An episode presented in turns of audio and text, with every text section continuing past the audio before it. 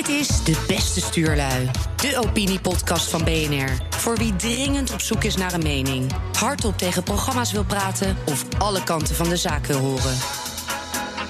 De beste stuurlui van deze week? Siep, Winja. Oké, we spreken af. Assad is de boef. Dat is de Hitler van onze tijd. Dan is iedereen die tegen Assad strijdt, is dus oké. Arno Wellens De wijkagent gaat eruit. De zedenpolitie wordt helemaal uitgekleed. en Eddy De landen Terstal. waar er meer vrouwenrechten zijn, waar vrouwen meer aan het maatschappelijk leven deelnemen, dat zijn de sterkst en intellectueel meest ontwikkelde gebieden van de wereld. De ergernis van Eddy. Nou ja, allereerst eh, gelukkig 2020 allemaal, zoveel mogelijk eh, gezondheid binnen het haalbare. En eh, mijn onderwerp gaat over Laura H. En ja, toen dat op een gegeven moment weer de revue passeerde, dacht ik. Welke gewetenloze heeft er in Nederland nou nog geen eh, boek, tv-serie of talkshow eh, optreden gehad? Op een of andere manier zijn we geobsedeerd door het kwaad. En, en, en of het nou Holleder is of, of Laura H. Of, Weet je, op een of andere manier vinden we dat interessant. We geven eh, ruimte aan, aan mensen die. Nou, daderschap, hè, dat vinden we toch fascinerend. Mag ik even doen alsof ik in jouw interview... Ja. Eh, misschien moeten we nog even weten wie Laura H. is. Laura H. Want, want is. zij ja, was, ze was voor de kerst. en Misschien Zal ik even overnieuw doen dan? Nee, dat wat mij betreft niet. Nee, dit is toch, eh, dit is toch levendige... Oké, levendige Podcast. Laura H. Laura H. Voor het geval men nog niet weet wie dat is. Laura H. is een, een eh, Nederlandse dame die eh, een aantal andere Nederlanders naar het buitenland volgde. om in dat buitenland eh, de lokale bevolking tot slaaf te maken, dan wel af te slachten. Of in ieder geval daar deel van het systeem uit te maken. Ze was spijt op tand. In die zin dat, dat ze, ze is daar weggegaan. Ik weet niet of ze dat zou zijn geweest op het moment dat ISIS eh, de strijd zou hebben verloren. Dat is altijd maar de vraag.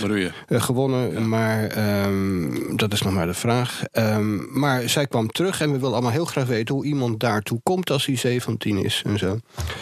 Ehm, en eigenlijk interesseert me dat geen bal hoe iemand er komt. Dat denk ik toch als een karakterzaak. Dan ben je gewoon, dan deug je niet. En, en ja, het hele pathologische aspect ervan interesseert me niet. Het sociologische aspect ook niet. Ik vind het veel interessanter eh, wat de slachtoffers te vertellen hebben hierin. Hè? Want het was nogal wat wat die mensen hebben meegemaakt. Die zijn eh, nou ja, tot, tot slaaf gemaakt. eh, ze zijn onthoofd, in, levend in de fik gestoken. En de mensen die daar naartoe gingen.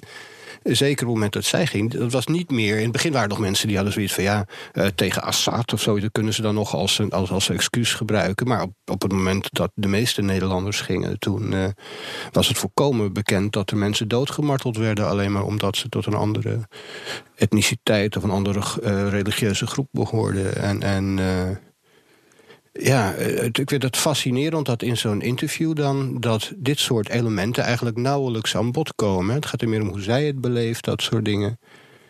En, eh, Want ze werd door Margriet eh, ontvangen. ja, voor ja, kerst, ja, geloof ik. ik geloof er is iets. Of men, men weet heel weinig op redacties. Dan krijg je nog een soort stagiairificering van de, van de journalistiek.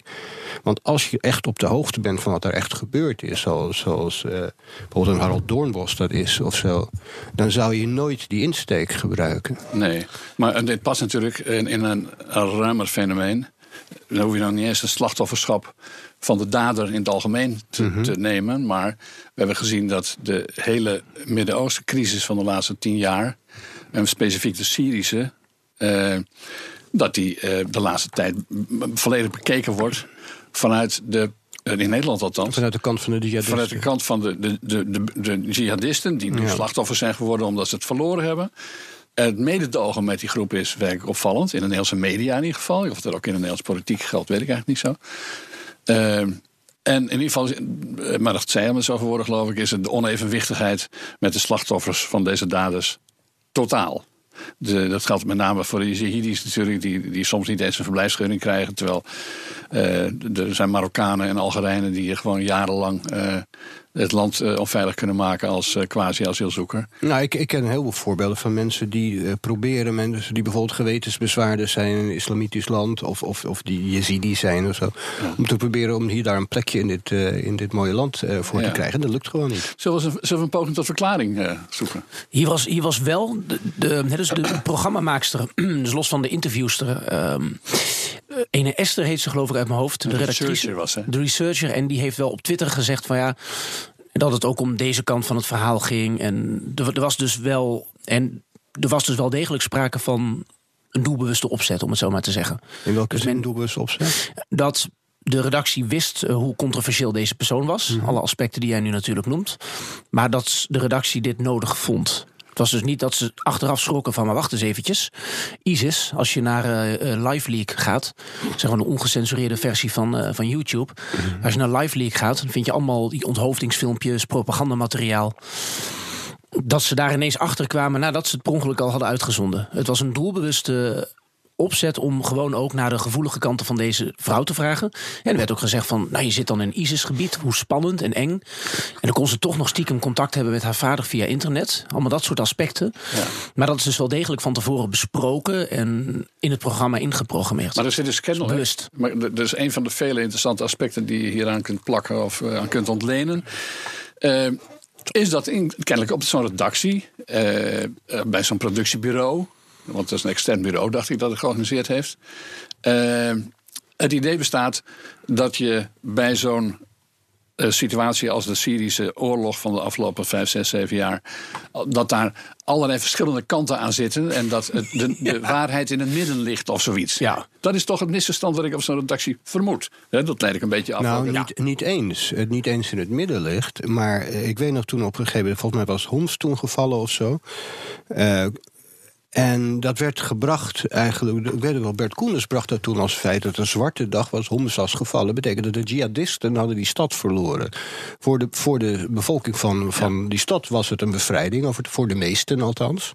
Ja.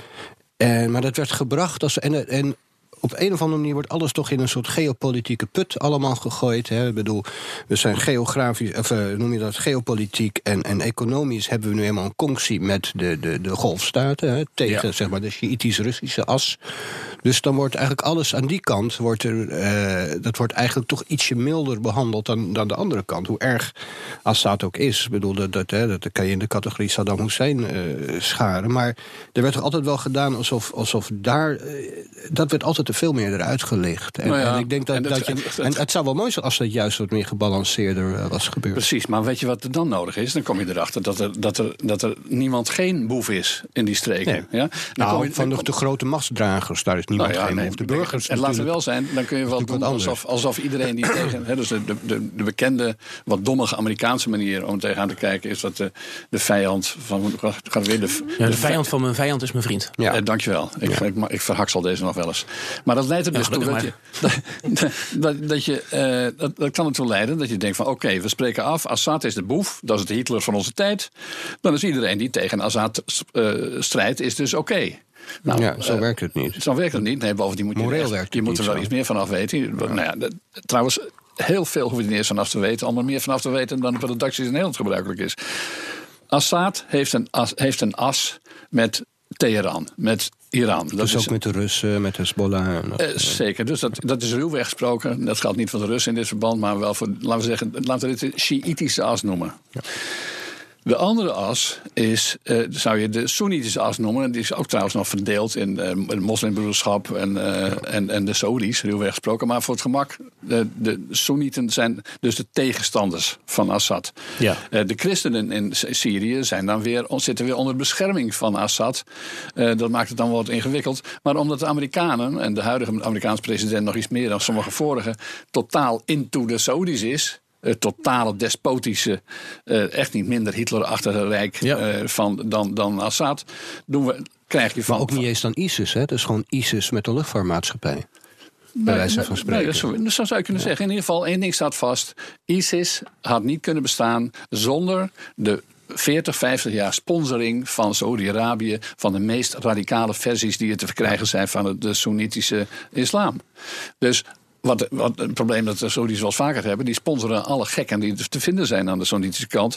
En dan blijken die tovenaarsleerlingen zich tegen de Saudis te keren... of tegen de vrienden van de Saudis en hebben ze spijt. Is hier ook gebeurd. De Ja. opstand in Syrië is in belangrijke mate een Soenitische opstand... tegen de Shiïtische Shiït en vriend Assad.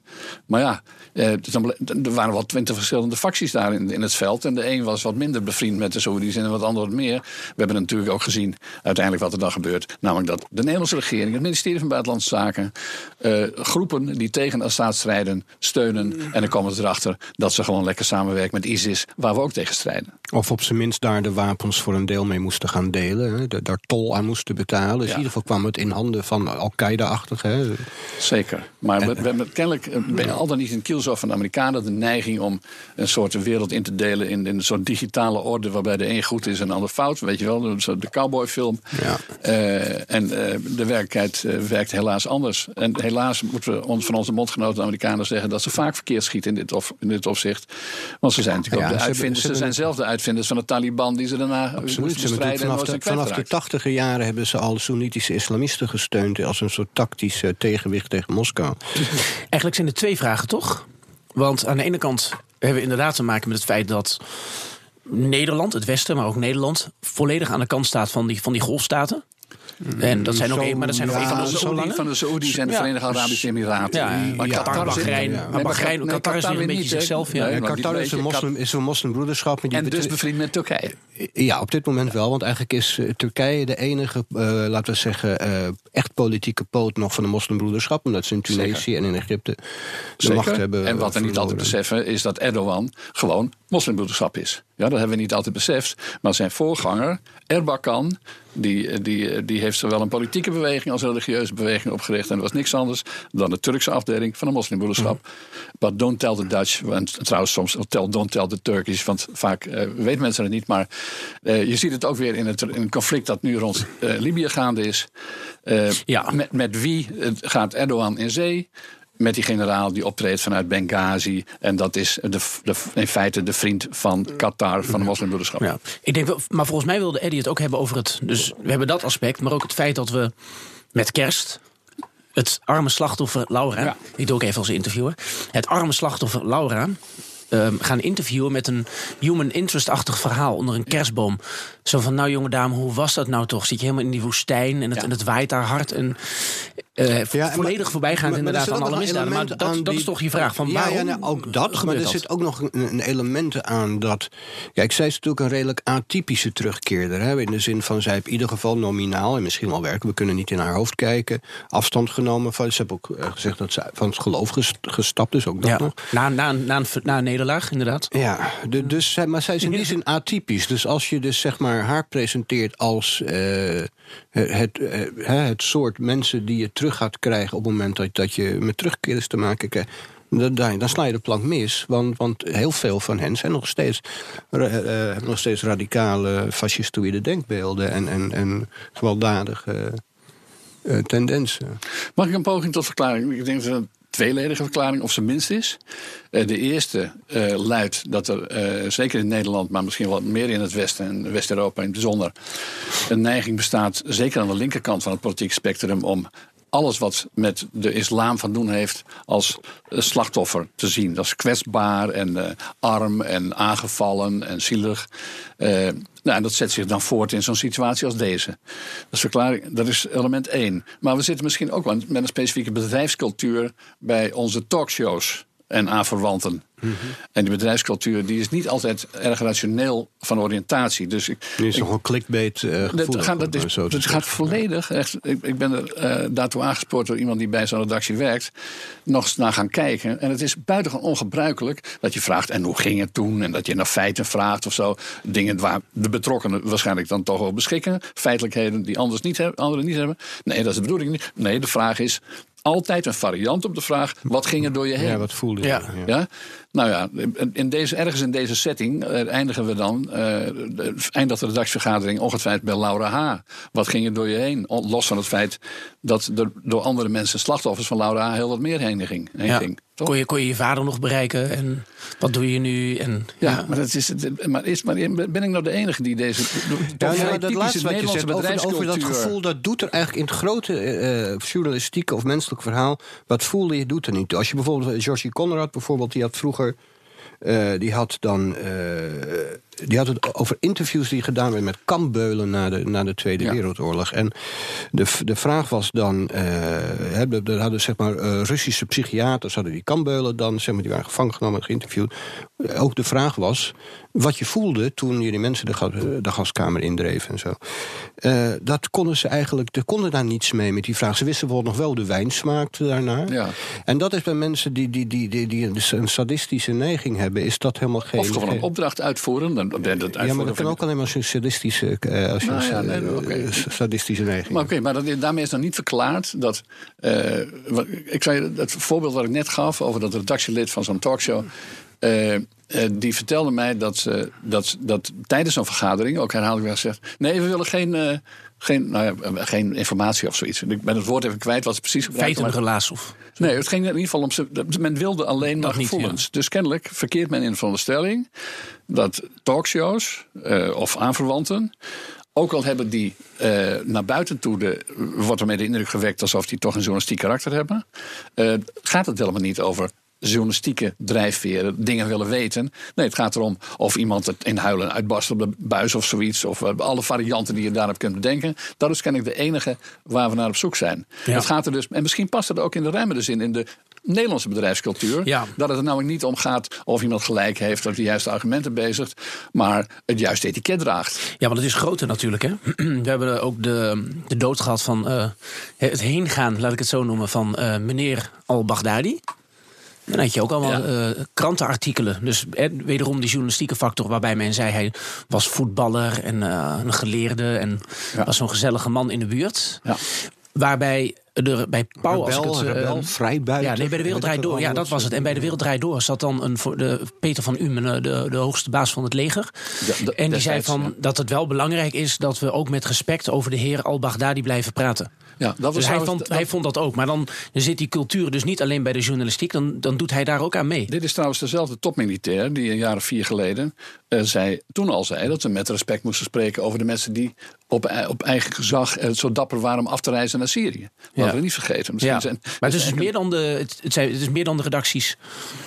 ja, een, ge- een ge- gebrek aan inzicht en eh, behoefte aan ge- gevoelens uitmelken. De ergernis van Arno. Ik wil het graag hebben over de politie. Ehm, ook na wat we net hebben besproken, de, het gevaar van ISIS, van de terugkeerders. Ja, dat, dat gevaar is er natuurlijk wel degelijk. Dat die mensen hier toch een soort wandelende, wandelende tijdbommen blijken te zijn. Dat je overigens ook naar de Tweede Wereldoorlog... Hè, dan waren er allemaal mensen die ineens in, naar Argentinië immigreerden. Dat waren dan mannen met managementervaring. En eh, die waren keurig in staat om heel vroeg op te staan. Gedisciplineerd te werken. Die hadden wel een gat in hun cv van een paar jaar. Eh, maar die konden Een uitstekend... mooie eh, rechte loop hadden. Mooie rechte loop hadden ze inderdaad. Keurig gekapt haar en waren goed in hun talen. Hadden veel landen bezocht. Hè, die ideale werknemer. En die werden dan toegelaten in Argentinië. En ja, dan gaan ze na een tijdje gaan ze toch synagoges in de fik steken. Dat doen ze dan toch. Daar moet je hier dus ook niet gaan kan. ik vrees dat je daar ook hier rekening mee moet houden. In dat kader vind ik het eh, interessant om het te hebben, te hebben over de begroting van politie, eh, veiligheidsdiensten, AIVD. Kijk, wij reageren elke keer op, eh, op incidentjes. Dan hebben we de moord, of sorry, met alle respect even, hè, dat- ik noem de moord op de advocaat Wiersma. Dat is geen incidentje. Maar het is wel een, een, een situatie waardoor we ineens schrikken. Dan zeggen we, nou, er moet wat veranderen. Er moet meer geld naar justitie. Je hebt nu ook de discussie over vuurwerk. Van nou, er moet, moet beter worden gehandhaafd. Nou, wat ik voor de lol doe, ik ben denk ik een van de weinigen die dat doet. Is dat ik al die begrotingen van justitie ben gaan teruglezen. En, en wat daarbij blijkt, is dat er stelselmatig structureel wordt gekort op justitie. Dus je kunt een meerjarenbegroting pakken van 2011, van 2012, 2013, noem het jaar maar op. En elke keer wordt er gezegd, in de komende tien jaar moet de politie structureel bezuinigen. Dus als je nu een regering hebt die zegt, naar aanleiding van een bepaalde gebeurtenis, zoals de moord op die advocaat, we gaan de rechtsstaat versterken, of de Kamer roept daartoe op, dan is dat altijd een gedeeltelijk terugdraaien van het, van het eigen beleid. Dus eh, je pakt een hele hand en je geeft één vinger terug. Dus er gaat nooit meer geld naar justitie. En dat is een beweging die zich ehm, zeker na de kredietcrisis heeft ingezet. Maar daarvoor al zag je dat ministers van Justitie wel vonden dat er genoeg blauw op straat was. Kort als Altes heeft dat als minister van Justitie een keer in de eind jaren negentig nog gezegd. En je kan al die documenten kun je gewoon downloaden. Gewoon de begrotingen van de politie staat op uh, rijksoverheid.nl. Wat moeten we doen? Het realiseren van een besparingsdoelstelling.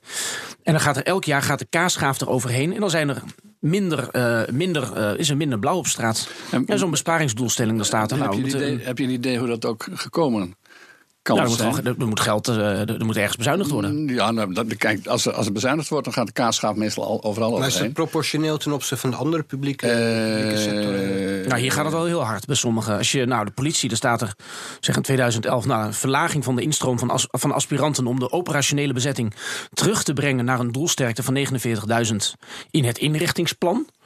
En dan krijgen we ook nog inverdieneffecten van de business cases. Zo, zo staat dat hier. Dat is wat justitie moet doen. Maar, en dat zijn maar, de, zo, zo, gaat het in de praktijk natuurlijk niet. Het is, ons land wordt geregeerd door de black boxes, door de regeerakkoorden. Ja, dus de laatste regeerakkoord. Dat is dit. Dat is dit. Dat, precies. Een, dus zo'n zo zo regeerakkoord onderhandelen die duurt dan een half jaar of langer.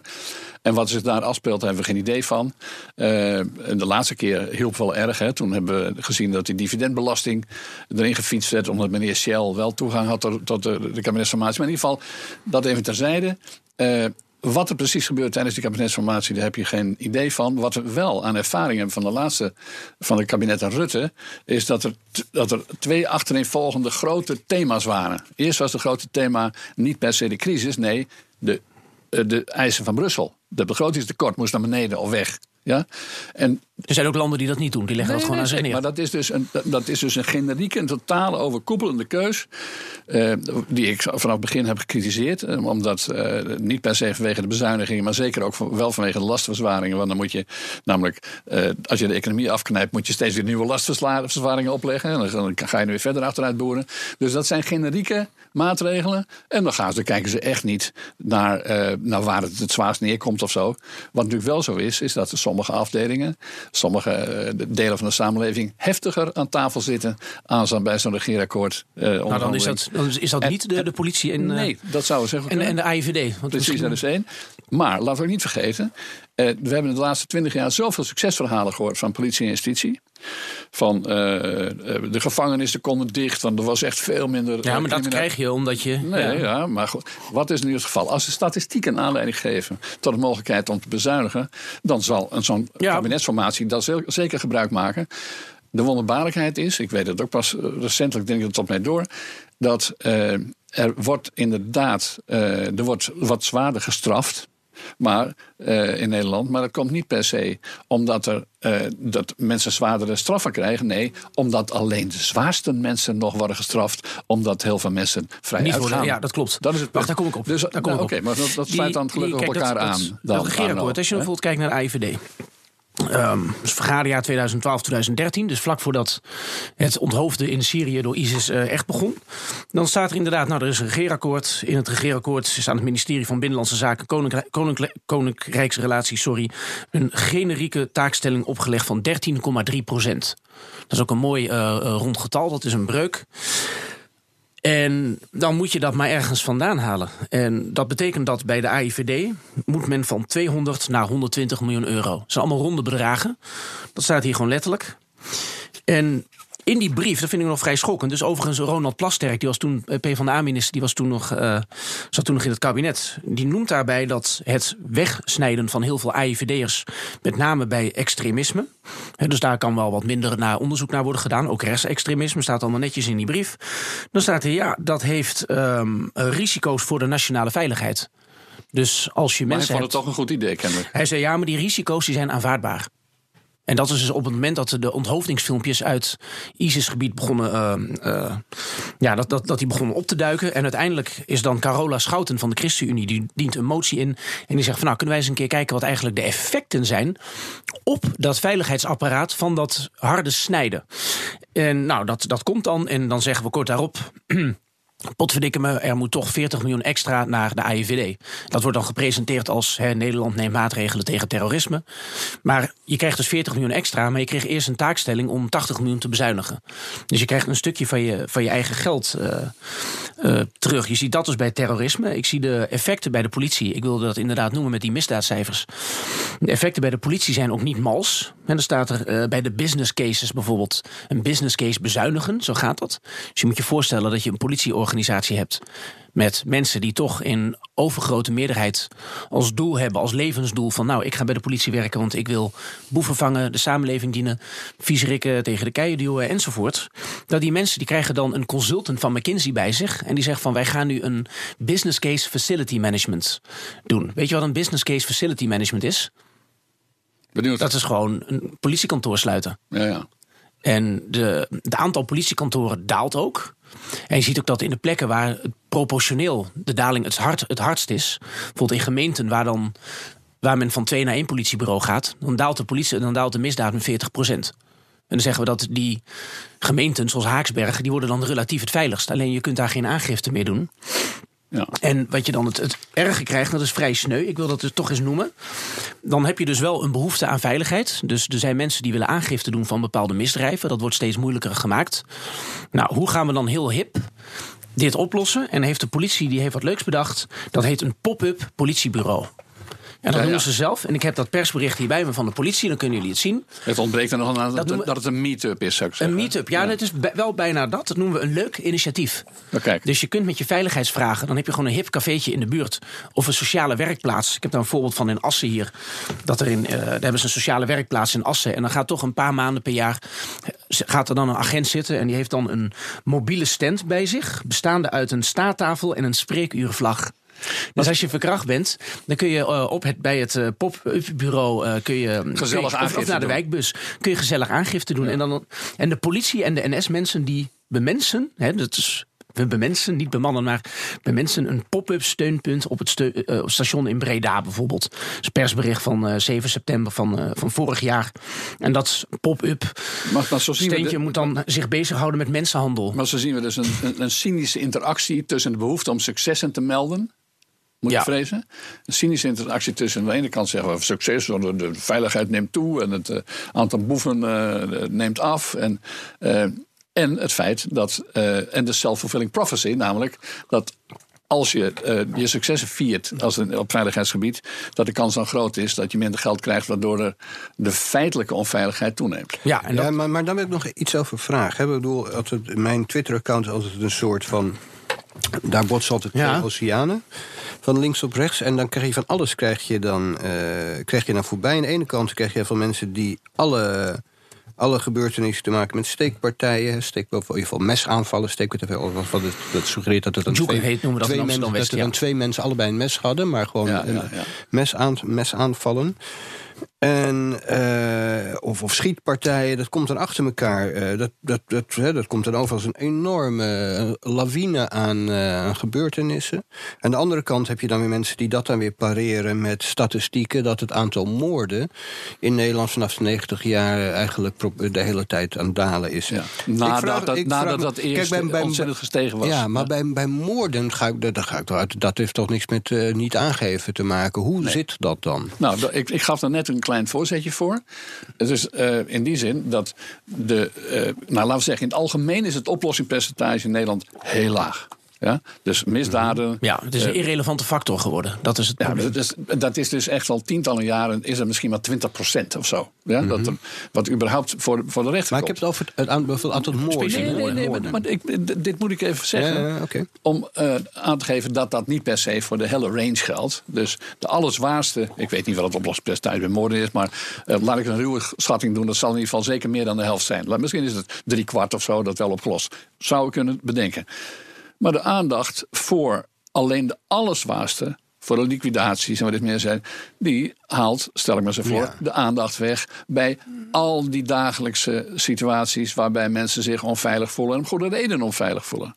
Dus bijvoorbeeld overvallen bij pinau- pinautomaten, dat soort dingen. Ja, En geweldpleging, eh, seksueel geweld. Ja. Dat is nog het wrange, dat wilde ik hier nog over zeggen. Is dat, ehm, ik ben toevallig eh, bezig met een boek hierover. Dus daarom zit ik ehm, onder de begrotingen. Die liggen, al. Links en rechts liggen die om me heen. Ik doe dat niet voor mijn lol. Je kunt ook leuke dingen doen met kerst. Maar ik heb politie- en justitiebegrotingen eh, gelezen. Ik heb bergen met voorbeelden van mensen. Maar dat heb ik hier volgens mij wel eens eerder genoemd. Vooral vrouwen die te maken hebben met nare aanvallen. Om het zo maar te noemen, dan willen ze aangifte doen. Maar dan komen ze bij het politiebureau waarvan ze dachten dat hij er was. Ja. Dan is dat dicht. Dan zit er een, een hippe koffiebar waar wel misschien nog één keer per maand een, een, een, een, wat, een mobiele stand met een staattafel en een spreekuurvlag. Hè, het pop-up Ja. politiebureau, waar, je dan digi- waar je dan digitaal aangifte Dan kun je dan doen. digitaal Ja. aangifte doen. Krijgen ze eerst nog een folder mee van doe het niet. Want het heeft ook gevolgen voor je privéleven. En dan krijg je bedenktijd, afkoelperiode. Moet je twee weken laten terugkomen. Is al het DNA-materiaal weg, enzovoort, enzovoort. Sinds 2005 is het aantal veroordelingen voor eh, met name eh, verkrachting is met 80% gedaald. Ja. En dat wordt dan inderdaad toegeschreven aan het feit dat misdaad afneemt. Maar het is natuurlijk niet zo dat de kans dat het jou overkomt navenant daalt. Dat is een aanname. Alleen als je die mensen niet meer vervolgt omdat die afdelingen zijn wegbezuinigd, Dan heb je geen zin- verdachte heb je meer. Hoef je heb ze er niet ook te berechten. zicht op, dan Heb- weet je en dan heb je, maar inderdaad, heb je geen zicht op Je kunt dus eigenlijk geen statistieken dan meer. eh, Nee, en wat nou het grappige is, en dat is, de, dat is het, of het grappige, dat vind ik vrij schokkend. Ik wil hier. Eh, ik heb één voorbeeld van een dame die, die is aangevallen. Maar dat, dat was de, de bekende Hilversumse eh, racismezaak. Mevrouw Emanuels, Gilly Emanuels. Ja. Die is dat overkomen. Die besluit wel tot het einde toe door te vechten. Ze wordt eerst nog zelf beschuldigd van eh, het mishandelen van haar eigen aanvallers. Terwijl we het beeld hebben waaruit heel duidelijk is af te leiden wat er gebeurt. Zij doet aangifte. Ze wordt geconfronteerd met het feit dat er aangifte tegen haar wordt gedaan. Wegens het mishandelen van drie racistische knapen. Dat is vrij bijzonder. Ehm, de burgemeester doet uiterst, zijn uiterste best om haar te bewegen geen de aangifte in te trekken. Ze zou concertkaartjes krijgen als ze, eh, als ze de aangifte zou intrekken. Hè, zodat die statistieken goed, goed zijn. We hebben er heel veel informatie over kunnen wobben. Dat is echt een doelbewuste informatiecampagne geweest... om een wijk veilig te laten eh, eh, lijken. Maar zij vecht door tot het einde. En krijgt dan te horen, inderdaad, u heeft niks fout gedaan. Terecht dat u aangifte heeft gedaan, enzovoort, enzovoort. Maar je vraagt zij je af, anderhalf maar jaar lang... af hoeveel gevallen er niet zijn. En niet zijn, van soortgelijke aard, van Juist soortgelijke aard Ja, zijn, want zij moet die nooit de jaar- publiciteit halen, waarbij mensen helemaal worden vermorzeld Ja. onder het, eh, de, de, de, Ja, want de, wat- de slechte drive bij het Nederlandse Ja, want wat gebeurt er met haar? Zij moet dus anderhalf jaar lang moet ze ook wachten op een, op een uitspraak. In die anderhalf jaar is ze verdachte. Nou, dan heb je een probleem met een verklaring omtrent gedrag als je pedagoog bent. Dus dan verlies je ook je werk. Dat zijn allemaal, en uiteindelijk krijg je dan te horen: ja, u wordt ontslagen van rechtsvervolging. Maar de straf was dus al wat het Openbaar Ministerie oplegde. Het is dus niet zo dat je onschuldig bent, tenzij het, het, te- het tegendeel is bewezen. Maar hebben we wel- je bent, het, proces op zich is al. het komt? Wat hier wel gebeurt, en dat is dat de, de, de justitiële keten, om dat zo te noemen, als je, de, als je het eh, ministerie van Justitie en Politie, als je dat als een keten ziet. Van zoveel mogelijk eh uh, viezerikken, geweldplegers, fraudeurs, oplichters, weet ik wat. Achter de tralies duwen. En net zoals een, als een broodjeszaak, die heeft eh, als primaire proces om zoveel mogelijk broodjes te produceren en dat af te laten rekenen enzovoort. Ehm, de politie moet eigenlijk zoveel mogelijk misdaad op, oplossen, gegeven de misdaad die er is. Wat je ziet is dat die afdelingen die worden wegbezuinigd. De wijkagent gaat eruit. De zedenpolitie wordt helemaal uitgekleed. En dat betekent dat zij minder K6, sorry om het zo oké, te maar, noemen. maar is, jou- is jouw verklaring De voor deze wordt treurige... helemaal uitgekleed. Ja, dat is ja, een dat is nare... een Dat soort- is een soort voorspel naar iets heel... heel Maar kijk, wat, maar is jouw verklaring dat er voortdurend wordt bezuinigd, Ja. onnadenkend? Maar, dan, Maar wat- dan- wat- dan en het ironische is ik, nog ik, dat ik zou er die- wel een elementje toe willen voegen. Eén één seconde, wacht. Ik wil dit punt nog maken, en dan is het klaar. Het stomme is dat ik, ik, heb, ik maak gebruik van cijfers van het CBS en justitie. En zij weten ook dat ik dat doe. Ehm, en ik kan dan ook inderdaad aantonen dat het oplossingspercentage, ehm, hè, als percentage van het, het totale aantal delicten, dat is dramatisch aan het dalen. Bijvoorbeeld bij verkrachting is het aantal veroordelingen in 10 jaar met 80% gedaald. Ja. Maar dat betekent niet dat de kans dat je jij, dat jij stelt meemaakt. dus dat het halen van die- streefgetal een doel op zich is het, dat is een doel op zich. En het nare is dat de afdeling die dit meet, waarmee wij als commentatoren dus iets kunnen zeggen over de efficiëntie van de rechtsstaat. En waarmee we dus kunnen kijken wat het effect van die bezuinigingen is. Zoals Carola Schouten terecht in die, eh, in die motie vroeg. Die afdeling die dat doet, die is ook wegbezuinigd. Dus vanaf nu weten we het niet meer. Nee. Dus als wij willen zeggen, wat zijn de cijfers na 2016? Hoe ontwikkelt die trend zich? Ja, dat kunnen we niet meer zien, omdat die afdeling niet meer bestaat. Die dat CBS maar gevraagd. als alles die mensen zitten nu als thuis. alles voortdurend wordt wegbezuinigd, dan is dat niet... Ze als- zien het niet meer. Dan, nee, dat, dat is Dus duidelijk. we zien ook het zien niet meer. Nee, dat maar, is wat maar ik wil er moet ja. toch een, een grotere verklaring zijn. En die verklaring, ik doe een poging in die richting. En die poging, die, eh, en dat, die luidt als volgt. Eh, dat, al, dat sinds de, de jaren zestig al hebben we kunnen zien... dat alles wat in de sfeer van misdaad... en uh, zich afspeelt, is tot een sociaal probleem. Dus een, de dader heeft een moeilijke jeugd gehad, weet je wel. Dat hele gedoe uh, is dat ondergebracht. En heeft, heeft tientallen jaren zo gewerkt. Uh, dat daarmee de misdaad, de onveiligheid, kun je ook zeggen, in de Nederlandse samenleving werd weggeredeneerd, weggekeken. En misschien ook wel omdat de daders in onevenredige mate tot laten we zeggen, kwetsbare groepen behoren. Waar je geen lelijke dingen over mag zeggen. Ja, maar dat was natuurlijk vroeger ook al. Hè? Als, Jordan, als Jordanees zijnde kan ik ook zeggen dat heel veel van de, de, zeg maar de, de, de zware criminelen in de negentiger jaren en daarna, het grootste deel kwam bij mij uit de buurt. Zeker. Weet je, dus eh, eh, maar, maar, maar, mijn familie kent ook de meeste van die mensen. En het is helemaal niet echt alleen een sociaal probleem, want, want bijna iedereen had dezelfde sociale omstandigheden. Het waren hoofdzakelijk de klootzakken die dat gingen ja, doen. er zijn mensen die dingen wel doen en niet wat, doen. Aardig indicator is voor, voor hoe zwaar iets leeft, uh, hoe groot dingen worden gewogen. Uh, of het gaat over gewenste, een gewenst probleem of een, uh, een gewenste informatie. Ja, een dat gewenste je, uitkomst. Dat, dat, zie je heel goed aan wat kranten ermee doen. En we hebben gezien dat heel veel kranten in Nederland, in, in, in tot, laten we zeggen, ruwweg uit mijn hoofd, tot aan de eeuwwisseling, de neiging hadden om, uh, om een, de moord af te handelen. Ergens in een, in een kortje op pagina 16 of daaromtrent. De Telegraaf was een van de weinige kranten in Nederland die wel ruim aandacht besteedde aan. Maar dat werd dan toch een beetje als een beetje een min-onderwerpje. Het uitmelken van sneuigheid aan de, zij, aan de onderkant van de samenleving gezien. Dat is gekanteld in een zekere mate rond de eeuwwisseling. Ik weet niet precies wat er aan bijgedragen heeft. Maar de komst van Pim Fortuyn zal daar, zoals de, Pim Fortuyn ook dingen zichtbaar maakte, uh, zal ook daardoor het thema veiligheid groter zijn geworden.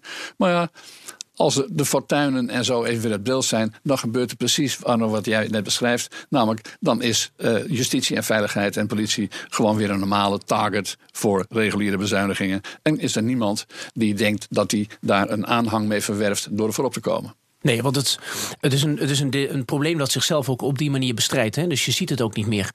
Dus als je het inderdaad onmogelijk maakt om aangifte te doen, dan is het ook geen maatschappelijk thema meer. Maar dat is ook wat ik met dat boek wil bereiken. Dat ik mensen laat zien die, die zeggen: ja, ik kom in die rare uh, justitiële mallenmode, ja. in die totaal dysfunctionerende winkel. Dit overkomt mij. Maar dat is wel een minderheid van de samenleving. En als je die verhalen volgt en je schrijft dat op, het is zo krankzinnig. Je denkt van. Je gelooft het niet als je er niet met je eigen ogen bovenop staat. Nee, Oké, okay, maar neveneffect is dus ook dat de enige, de enige terreinen, onderdelen van het, uh, de misdaadbestrijding, die wel veel aandacht trekken, namelijk de grote liquidaties. Uh, ja, er zijn de moorden van Eddie, van die, die zie je wel. Die, die kun je moeilijk uit de statistiek halen. En ja. daar wordt dus wel geld voor uitgetrokken. Dat moet ook natuurlijk, dat is volkomen terecht. Maar uh, je kunt er bijna donder op zeggen dat als er onevenredige, laat ik even zeggen, onevenredige, onevenredige aandacht is voor die zaken, zeker in vergelijking met uh, waar je gewoon allemaal last van kunt hebben, uh, dat de kans dat waar we allemaal last van kunnen hebben geen geld meer voor is. En alleen voor de dingen waar veel publiciteit voor is. En vooral die strafrechtadvocaten voortdurend in al die talkshows zitten. Ja, het zijn inderdaad het zijn de delicten waarbij de overheid veel moeite moet doen om het, om het op te sporen. Is inderdaad een verkrachting bijvoorbeeld. Ja. Het heeft een enorme impact op het leven van een slachtoffer. Geldt ook voor openbare geweldpleging. Bedenk het maar. Maar dan is het toch aanlokkelijk om daar te, te snijden. En ik pak nogmaals, ik noem nog maar, toch maar een keer die brief van Ronald Plasterk in 2013 bij de bezuiniging van de AIVD. In zo'n discussie. Uh, wordt de politie en veiligheid is dan een soort speelbal. We zeggen, nou, er moet 40 miljoen af. Dat is precies 20% van het budget. Dat lijkt alsof er een boekhouder aan het werk is. En dat, dat is ook zo. En dan wordt er later gekeken van... Goh, hoe gaan we dat nou snijden op een manier waarbij de veiligheidsrisico's... de gevolgen daarvoor, dat die acceptabel zijn. Dat, dat stond letterlijk in die brief. Althans dus het is in een, de beleving bedoelen ze dan. Ja, nou, Nou ja. dit, dat, dat, weet ik niet, dat staat er niet bij. Maar er Nee, staat maar de risico's, het moet uh, aanvaardbaar zijn. Dus dat is een... Dan heb je dus een regering die toch echt doelbewust in tijden van belastingverhoging zo'n kerntaak laat liggen voor de mensen. En dan zeggen we ja, maar dat risico is aanvaardbaar. Moet je wel Ik even denk zeggen dat welk jaar dat was. Want, Dat is eh, 2013. Maar toen was Plasterk helemaal geen minister. Uh, dus ik heb hier die begroting van de. Of hij was, nu, hij, natuurlijk, hij was wel minister. Nee, Hij was wel minister, Nee, nee, nee, natuurlijk, natuurlijk, natuurlijk. Sorry. Nee, goed, nee. dat is maar kijk, eigenlijk wil ik hier naartoe, Wij, en dat wij is hechten er toch aan dat onze luisteraars allemaal heel precies worden geïnformeerd. En, Ja, dat is ook dus zo. ik, Nou, ben de eerste die mijn, van- die mijn eigen misverstand corrigeert graag. Het gaat over Kamerstuk 30977 uit vergaderjaar 2012-2013. Nummer 54 AIVD, brief van de minister aan de voorzitter van de Tweede Kamer, de Nee, maar ik Staten-Generaal, 3 vraag er juni ook naar, 2013. omdat, omdat het erg nuttig is om te kijken wanneer het gebeurt. Om de eenvoudige reden dat, dat eh, het veel belangrijker is. eh, wat er in het algemeen aan neiging bestaat Ja, maar bij zijn kabinet. pak ook en, in de- en 2013 kan ik je meedelen, was samen met 2012 het grootste bezuinigingsjaar. Ja, maar dat, als je wij, dan dat, die- dat wij eindeloos hebben gehad. En niet vanwege de misdaad, niet vanwege Plasterk. Nee, domweg. Vanwege om- de, de EU-norm, ja. omdat wij eh, de meest fanatieke ijveraar voor Ja. de begrotingstekort Maar wilden die, zijn. die, die trend, want als je dan in latere jaren kijkt, dat zet zich door. Je kunt elke eh, begroting pakken, elke politie- en justitiebegroting, vanaf eh, 2005 ongeveer. En dan zie je dat, er, dat die kaasgraaf er consequent overheen gaat. Dat is altijd zo. En dan wordt er op een later moment gezegd van nou, misschien moet er toch eh 10 miljoen extra bij. Nou, dan verandert de taakstelling van het volgende jaar. Dan moet er wat bezuinigd worden vanaf een budget van 6 miljard en dan 10 miljoen minder of meer. eh, meer. Maar elk jaar moet er gewoon een structureel deel weg. En dat betekent dat er agenten op straat komen te staan. En die worden in de keten gemist. En misschien moeten we toe naar een situatie waarbij we ons realiseren dat het, het hebben van een veiligheidsapparaat... dat dat iets is dat, dat je over meerdere jaren moet kunnen plannen en moet kunnen doen. Je kunt niet tegen de En dat, AIVD... je dat, maar- en dat je dat niet afhankelijk moet maken van toevallige hype Van- aan ja, begrotingsbeleid precies. Dus of een toevallige hype aan klimaatbeleid. Ja, dus in, bijvoorbeeld. dus in 2013 zie je. Eh, nou, weet je wat, ineens ISIS. Ja, we hebben net gezegd dat die AIVD moest bezuinigen. Dan doen we er toch maar weer 40 miljoen bij en af. Maar dan heb je dus al mensen ontslagen. Je ziet ook uit die stukken dat het bezuinigen al is ingezet. Er worden al mensen ontslagen. En die worden dan weer teruggehaald. Vaak als externe adviseur. En dan ga je alsnog over je begroting heen. Dus dat, dat hakken-takbeleid met veiligheid en justitie en onze politie. Misschien moeten we daarmee stoppen. En ze niet meer dat soort. En ze gewoon ontslaan van de problematiek van de kaasgraaf. Maar, dat, Ik- denk maar- dat dat maar- een- maar daarvoor is nodig, daarvoor is nodig dat, eh, dat het hele staatsbestel en alles wat er omheen zit, doordrongen raakt van het feit dat er een eerste taak is van de overheid. En dat is het verzorgen van de veiligheid voor de zelfs burgers. En dat doet de staat door de, de, de indringer uit het buitenland eh, buiten de deur te houden met bil van defensie. En te voorkomen dat de burgers elkaar zelf de hersens inslaan. En daarvoor hebben we de politie. Dat is de basistaak van de overheid. Geen enkele andere. Ja, maar dan wil ik ook een soort populistische uitsmijter erin gooien. Is dat kijk, heel veel mensen die in, in, in- op beleidsniveau bezig zijn, die wel over het algemeen toch in wijken die wat veiliger zijn. Zeker. Dus, Ja. dus ze weten Ja. vaak waar de, de, de zwakkeren van de samenleving zijn de mensen die dus buitenproportioneel door getroffen Zo worden. En, en ook hier weer heeft het toch ook veel meer met wereldvreemdheid te maken. Waar je zelf geen last van hebt, daar hoef je, dat Ja. vind je geen prioriteit. Toch? Dat zal het gaan. De ergernis van Siep. Een beetje aangehangen ook aan de, de jaarlijkse discussie over het vuurwerk. Die, die discussie, er zit een beetje beweging in. In die zin dat het vuurwerk gaandeweg wel eens uitgefaseerd eh, lijkt te eh, gaan worden. Maar eh, wat vaak gebeurt is dat die vuurwerkdiscussie dan, laten we zeggen, op 4 januari al een beetje weg is. En op 8 januari horen we niet meer.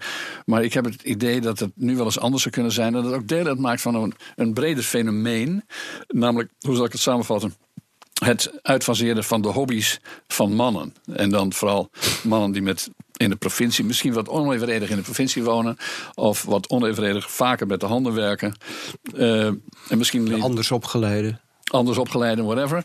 Eh, praktisch opgeleide. Praktisch opgeleid, zegt Zo heet Marianne dat, ja. Dat is ook een even hele- haar... eh, ja. Dat is ook een hele, wordt het, feminine eh, eh, hoe heet het? Va- variant eh, van eh, de lager opgeleide natuurlijk. Maar in ieder geval, eh, ik heb sterk de indruk dat de, de 21ste eeuw in Nederland, en dat is aan de ene kant waanzinnig goed nieuws, eh, de, de- wel eens de eeuw van de vrouw zou kunnen zijn. En misschien niet alleen in Nederland. Eh, we hebben het net gehad nog over ISIS. Dat was, zou je kunnen zeggen, een beweging die Patriarchaal gebeuren. die, die, die, die zich nog kanten tegen een trend om de vrouw wat meer ruimte te geven in de wereld. We zien, hier een pleidooi voor ISIS. Ja. Eh, dat is een wat al te snelle conclusie. In ieder geval, eh, ik denk dat, dat je op redelijk feitelijke gronden kunt observeren dat, eh, eh, dat de, de, laten we zeggen, de wat traditionele mannelijke hobby's. Vlees eten, bier drinken of alcohol in het algemeen. hard rijden, diesel rijden ook. en dat type zaken. Vuurwerk met, met, met lawaai maken op oudejaarsavond. Eh, dat dat eh, ja, in, een verkeerde, in, in een, in een vervelende geur is komen te staan. Misschien om goede redenen. Ja, het Maar- stinkt ook echt. Vuurwerk. Zeker, maar ik heb het nog niet eens over. Ik, men is eh, altijd erg geneigd om meteen in kwalificaties te gaan spreken. Ik ben nog, zit nog in de fase waarin ik het moeite waard vind om het waar te nemen. En, eh, Dat en- hoort ook als journalist, hoor je ook beschouwelijk bezig. nou, zie je, dus eerst maar eens kijken wat er aan de hand is. En ik zie dan, ik denk in ieder geval te zien dat er. eh, eh, dat er een verband bestaat tussen allerlei eh, teneuren. Eh, waarbij bijvoorbeeld interessant is, tenminste dat denk ik dat het interessant is, dat een element als vuur, en misschien is dat wel iets- een beetje een mannelijk ding, dat alles wat, wat vuur is, waar vuur aan te pas komt, of worden. vuurwerk is, of dat het eh, brandstoffen zijn, eh, dat die, of dat barbecue, wat dacht je daarvan? Eh, dat die uit de mode Ja. aan het raken is. En dat eh, de, de, Open de- haard. Haard, zeker. Dus al, iedereen. eh, en, en dus de, de mensensoort die daar onevenredig mee eh, gerel- aan gerelateerd kan worden. Tenminste, de mannelijke helft van de samenleving. De boer? Zeker. We gaan er ook maar vanuit dat die mensen die, die, die vooral op pad waren de afgelopen maanden. waren boeren en bouwers. En dat zijn het al geen mannen. Wat trouwens niet wegneemt dat ook de onderwijzers. en er zijn van 90% vrouwen ook op de, basis, de, de straat op zijn geweest. Evenals de verpleegkundigen die ook van 80, 90% vrouw zijn. Dus in die zin kun je niet direct een link leggen. Maar ik denk toch dat, eh, eh, dat er heel wat eh, mannen zijn die het idee hebben dat bij uitstek hun wereld wordt afgenomen. Ik heb nog wel een tweede. Ehm, ja, maar, maar, tweede maar het is wel zo. Dat, heeft, dat heeft een aantal kanten. Hè? Ik bedoel, dit is ongeveer, en daar kan je mensen aan de UVA heel erg boos mee maken. Maar dit is, eh, hoe jammer dat ook is voor sommige studierichtingen. Dit is de minst patriarchale samenleving uit de geschiedenis van de mensheid. De beetje. Nederlandse. De Nederlandse, Ja. ja. En dat Scandinavië is, misschien En dat is, ja, maar gewoon West, West- en Zuid-Europa, zeg maar. West, Noord- en Zuid-Europa. Nou, Zuid niet eens. Nou, Spanje, is ook behoorlijk hipster, hipsteresk, hoor. Maar Wit- Wit-Rusland niet bijvoorbeeld. Nee, nee. Daar hebben ze nog Maar, die En eh, Sicilië ook niet. Maar, eh, maar kijk, dat heeft een hele, een hele goede kant in de zin van dat eh, de landen waar er meer vrouwenrechten zijn, waar vrouwen meer aan het maatschappelijk leven deelnemen, dat zijn de sterkste, meest gelukkige, eh, meest vreedzame en technologisch en intellectueel meest ontwikkelde gebieden van de wereld. Dan kan je wel zeggen, ja, dat komt omdat er economische welvaart is. Nee, het, het is ook een reden van economische welvaart. Namelijk, als je dat namelijk niet doet, dan hou je A, ehm 50% van, de, van je intellectuele capaciteiten, die hou je achter. Eh, als je het niet doet, bet- betekent het dat je. ehm, Laten we zeggen, dat is, ik heb, vrouwenrechten komt ook voort uit een, een, een, samenleving, uit een open samenleving over het algemeen. Dus op zich is het natuurlijk heel goed. Feministische landen zijn sterker. Een land als Denemarken of, of, of, of, of, Finland heeft veel meer in de melk te brokkelen dan, eh, dan, land, dan patriarchale macho landen. Eh, Excuus, over het algemeen. excuus, maar met mijn stelling wil ik niet zozeer. Ik laat de eh, andere kant daarvan zien. Nee, nee, maar misschien, misschien, dat, eh, misschien heb ik dat niet duidelijk genoeg uitgelegd. Het gaat mij, eh, tenminste, ik zou er niet voor willen pleiten om nu per se over het feminisme en de voordelen van vrouwenrechten en zo te willen hebben, als wel over de sneuwe Ja, verliezers ja, ja, van dit proces. nee, maar natuurlijk, En, daar, en hebben we het veel minder over. Eh, eh, en die, en niet dat dat allemaal zo sneu hoeft te zijn, maar ik vind het op, op zijn minst al de observatie waard. En er is en waarom ook nog iets meer dan dat. Want mocht het zo zijn, wat niet vreemd zou zijn, is dat mensen zeggen: Nou, het kan geen toeval zijn dat ze me en het vuurwerk afnemen, en mijn vlees afnemen, en mijn drank afnemen, eh, en de auto afnemen, en de, en de, de 130 kilometer afnemen. Alle guilty pleasures in de ruimste zin voor mannen, dat dat idee zou kunnen bestaan. Dat is met, met reden zou dat kunnen bestaan. Dan mag je haast wel aannemen dat dat een, eh, een backlash Nou, gewoon veel heeft. voorkomend biologisch gedrag. Ik durf dan niet eens te zeggen normaal biologisch gedrag, maar veel voorkomend biologisch gedrag eh, wordt in een kwaad daglicht gesteld. En dat is inderdaad de doorschieten. Ja. Nou ja, de- de- de- in die, er is een, op een bepaalde manier is het niet nieuw natuurlijk. Omdat we hebben de afgelopen jaren al veel gezien dat in het onderwijs de vraag is of, die, of dat niet veel te feminien is geworden. Dat eh, jongens alleen maar meer les krijgen van dames. Die dames eh, eh, geluiden eh, zitten te projecteren op die jongens. Met allemaal, met, met eventueel het effect dat jongens het niet meer leuk vinden om te gaan leren maar dat was op. Postbus 51 filmpje daartegen dat jongetjes toch wat meer jongetjes zouden mogen zijn. Dus dat was niet Postbus Ja, dat mocht 51? ook niet meer. Ja, Nee, dat was ook nee, nee, heel ja. boos. Ja, ja, nee, Ja, precies. kijk, misschien heb je het. Kijk, die, als je het over vuurwerk hebt, misschien een beetje net zoals roken. Het zou ook misschien een mannelijk ding kunnen noemen met vuur. Alles met vuur, ja. Met vuur. Maar kijk, net als met, met roken kun je zeggen dat naarmate het, het inzicht eh, voortschrijdt, maar dat zou je ook in hele patriarchale samenlevingen kunnen hebben. Dat je denkt van nou, roken is toch niet zo goed voor je bijvoorbeeld. Nou, dan krijg je zo'n stapel aan bewijs dat dat op zichzelf wel verdwijnt. En dat zou je met vuurwerk ook kunnen zeggen. Je kunt je Roken afvragen of vuurwerk het, is leuk, maar het is allebei ja, slecht. en je kunt je afvragen waarom het logisch is eigenlijk dat, dat je met z'n allen afspreekt dat je op één moment in het jaar. Dus Nee. eh, dat, dat je dan afspreekt van nou, we gaan even wat dingen in de fik zetten en, en opblazen. Het dat kan is, best zijn dat al die mannen ongelijk hebben. Maar, Maar je ziet, je als, je alle mannen, als je alle mannen, eh, en, en ook mannen die misschien niet altijd heel veel eh, reden voor plezier en genoeg hebben, alles afneemt waar ze naar hun idee nog plezier aan het lenen, te weten snel autorijden, bier drinken, roken, vlees eten en wat is meer zei, dan moet je je afvragen of je wel de juiste balans hebt, eh, aan nastreven bent als, eh, als overheid. Ja.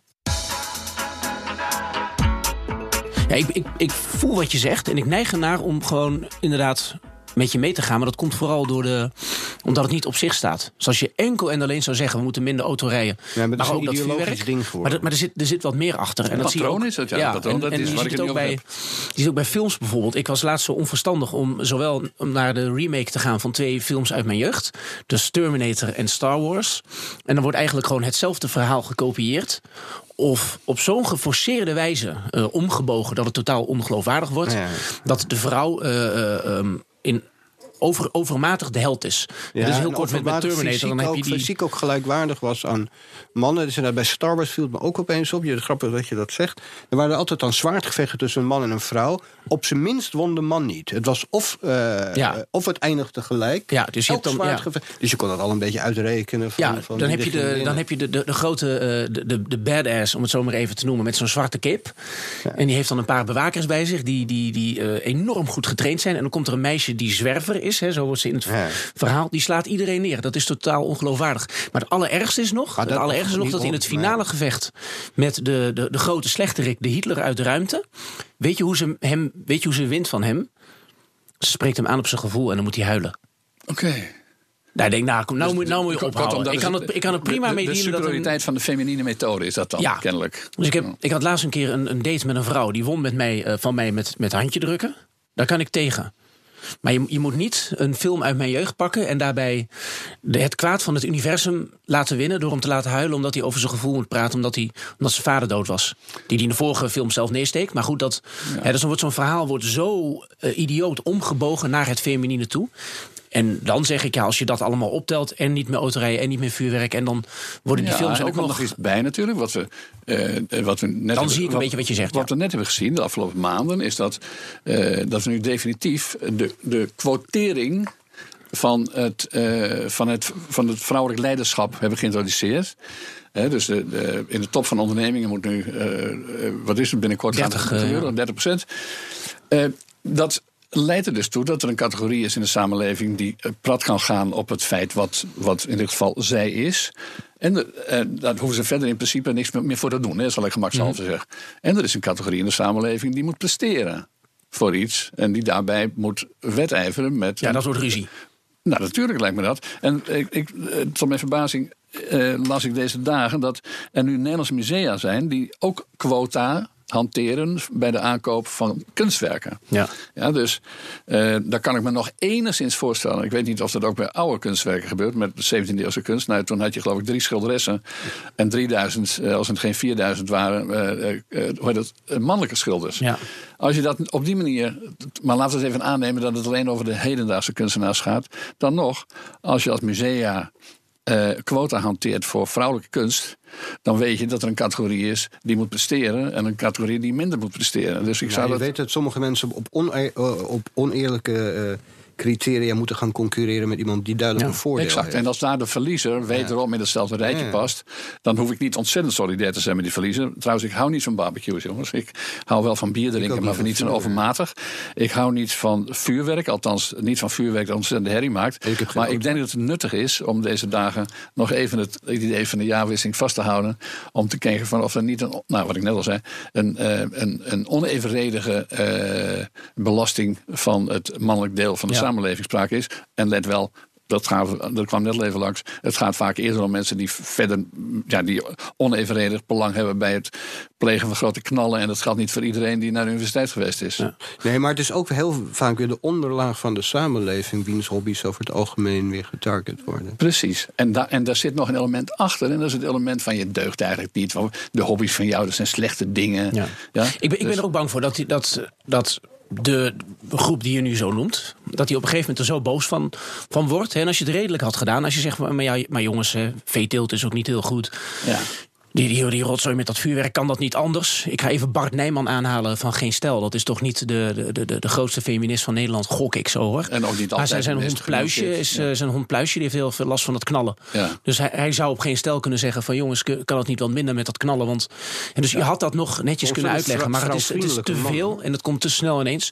En ik denk trouwens ook met die, voor wat je zegt over het vrouwenquotum. Dat komt, wordt er dan ook weer in gefietst. Dat begint zijn eerste tekenen al te vertonen van falen. Hè. Een bekend voorbeeld is mevrouw Beentjes, Hilly Beentjes. Zal het niet leuk vinden als ze dit hoort. Maar als je meer dan een ton verdient bij de overheid, moet je maar tegen een beetje kritiek kunnen. Zij is op een gegeven moment benoemd tot eh plaatsvervangend bevelhebber van de marechaussee.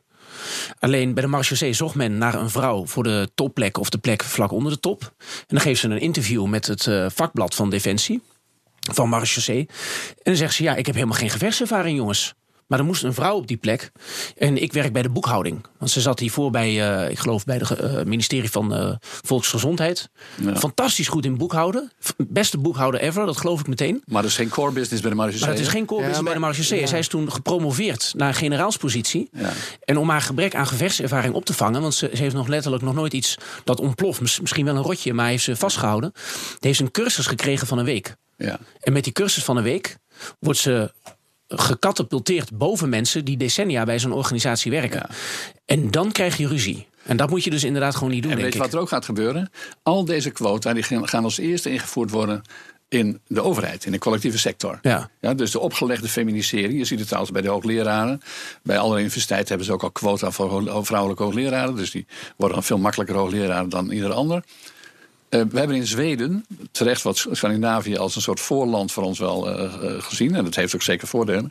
Maar in Zweden hebben we al tientallen jaren geleden kunnen zien dat de hele overheid, alle mannen vliegen de overheid uit, omdat zij buiten de overheid niet met of met minder van dit soort betuttelende en, en, en, en, en, en wordt het quota achter. Maar op zich is het streven naar gelijkere kansen natuurlijk hebben. Daar- kan niemand tegen zijn. Dat gaat ook een beetje om de methodiek. Het Het gaat om- bij het begin en Jawel, maar als je, als, je bij bijvoorbeeld, achteraf. Als je bijvoorbeeld een vergelijking met voetbal maakt. Kijk, als, je- als je zeg maar mensen die dan in een, hè, een mindere uitgangspositie zitten. Als je die leert om een penalty vanaf 7 meter in plaats van op 11 meter te nemen. Dan leren ze nooit vanaf 11 meter. Die, eh, Nee. Weet je, je moet toch meer een beetje helder kweken. Ja, dat betekent, Zeker, maar, maar dat begint niet aan het eind. Het begint niet aan het eind. Dan moet je ervoor zorgen dat er ook net zoveel werkende vrouwen zijn. Als er nou in Nederland net zoveel vrouwen zijn, net- zoveel vrouwen zijn die werkende uren maken in Nederland als mannen die werkende uren maken, dan is de kans heel groot dat in de leidinggevende posities. eh, het, Ja, maar vrouwen- het maar term het is niet zo. emo- emotioneel werk Ja, maar of is zo. niet zo. Nee, nee, nee, nee. Het is heel simpel. Als je kijkt, tel het aantal uren op dat in Nederland door vrouwen wordt. Betaald werk heb ik het over. Mhm. Door vrouwen wordt gedaan. En het aantal uren dat in Nederland door mannen wordt gedaan. Ja. Dan kom je ongeveer, ruwweg gesproken, op 1 staat tot 2. Dus er zijn twee keer zoveel mannen, uren, werkuren in Nederland dan vrouwen. Is het dan vreemd dat ja, er veel meer. tegenargument, ik heb daar niet noodzakelijkerwijs echt een, een, een, een, een, een moreel eh, oordeel over. Een tegenargument is dan dat vrouwen ook heel vaak eh, veel immaterieel werk doen of thuiswerk doen. Of Nee. dat, Nou, bijvoorbeeld de zor- zorg voor de kinderen. Maar dan moeten we het misschien daar keus. moderniseren. Dan een moeten we naar de, dan moeten naar de huisvader niet- toe. je- ja, maar je kunt niet drie ik bied mij hier aan, hè? Even ja, natuurlijk, maar je voor kunt, de vrouwelijke luisteraars die nog... Ja. Maar je kunt niet drie dagen in de week, werken, drie dagen in de week eh, eh, huiswerk doen, thuiswerken. In wat voor situatie? Nou, sorry. wat- Maar mantelzorg misschien. Of, Ja, maar en, wel- en eh, verwachten dat je de, de CEO van Shell wordt. Die kans is nul. Kijk, ik weet niet of we dit helemaal, onderwerp helemaal moeten uitmelken. Ik, ik, ik breng dit altijd graag als een product van onze recente geschiedenis. Nederland was tot voor kort het achter, achterlijkste land als het gaat over het werken van vrouwen überhaupt. Het feit dat vrouwen in Nederland veel minder werken, in uren althans, dan in andere landen. Eh, ja, dat is, eh, dat, daar ligt de basis hiervoor. En dat los je niet op met die quota. Maar goed, ik weet Ja, niet maar trouwens, als je, als je in de Jordaan of zo eh, geboren werd in, in de 70 jaren... of, je, of in een eh, woonwagenkamp Emmen of weet ik veel wat... de Ja. kans dat die CEO wordt ook gewoon niet zo groot, hoor. Als je de dochter bent van een CEO van Engels... die is de kans ook veel groter. Dat Zeker, je- maar als je de zoon CEO van, als je de zoon was, was van de timmerman van Witmarsum, dan weet je het waarschijnlijk ook niet. Nee. bedoel ik. Maar als je dus een dochter bent in een woonwagenkamp, dan is het helemaal Ja, de gedaan. kans- ja. Nee, maar bedoel ik. Het is ook een opstapeling van, Ja. van, van achterstanden. Zeker, maar dit bedoel- soort, dat, die basisnoties van de samenleving die hebben grote gevolgen. En die los je niet op door hier en daar een enkeling een voorrangspositie te geven. Nee, want dan krijg je die scheve ogen, wat ik dan noem met de, met de marechaussee. Want dan komt iemand vanuit het niets. Maar het gaat om gelijkere je kansen, niet om Ja. gelijkere uitkomsten. Als je zeg maar actief ervoor recruteert dat vrouwen vaker een bepaalde opleiding nemen, zodat ze vaker op het werkterrein, hè, dat zou je best wel streven kunnen willen hebben. Dat is goed. Ja. Maar niet aan het einde kan je zeggen, omdat jij vrouw bent. Nee, maar die gelijke kansen moeten dan nog eerder beginnen. Die moeten namelijk ontwikkeld worden op het niveau van de basisschool Ja. en de middelbare school. En ook niet pas als ze 40 zijn of zoiets. Absoluut. Maar dan moeten we wel de daad bij het woord, woord voegen. Wij, wij zitten hier met vier mannen. Ik ken iemand, die heb ik leren kennen in Rotterdam. Die heet Kim Boon. Die heeft een heel mooi artikel geschreven in het NRC. Die moet hier dan ook een keer zitten. Laat- vrouw la- namelijk. Laten Nou, we maar erover we, kunnen het toch wel allemaal Ja. over eens zijn dat, dat, dat we best wel blij zijn met de relatief eh, weinig patriarchale samenleving waar we zitten. De, ik bedoel, dat heeft Nee. toch wel een mooie samenleving Maar opgeleverd. zoals sommige mensen dan vinden dat ook Laura H. haar kans moet krijgen om iets te zeggen. Zo kom ik langs om te zeggen dat ook die, die, die, die, die, die, eh, wat is, die arme man die voortdurend tekort, wat tekort wiekt, eh, eens een keer aan bod moet komen. Ja. veel erger dan wat Laura heeft gedaan. Althans, er zijn sommige mensen die daar bozer om worden. Volgens mij zijn we eruit. We, we hebben het weer opgelost gewoon allemaal. Ja. Dit was weer een aflevering van De Beste Stuurlui. Een opiniepodcast van BNR. Alle afleveringen zijn terug te luisteren op bnr.nl slash podcasts, iTunes en Spotify. En hou je roer recht.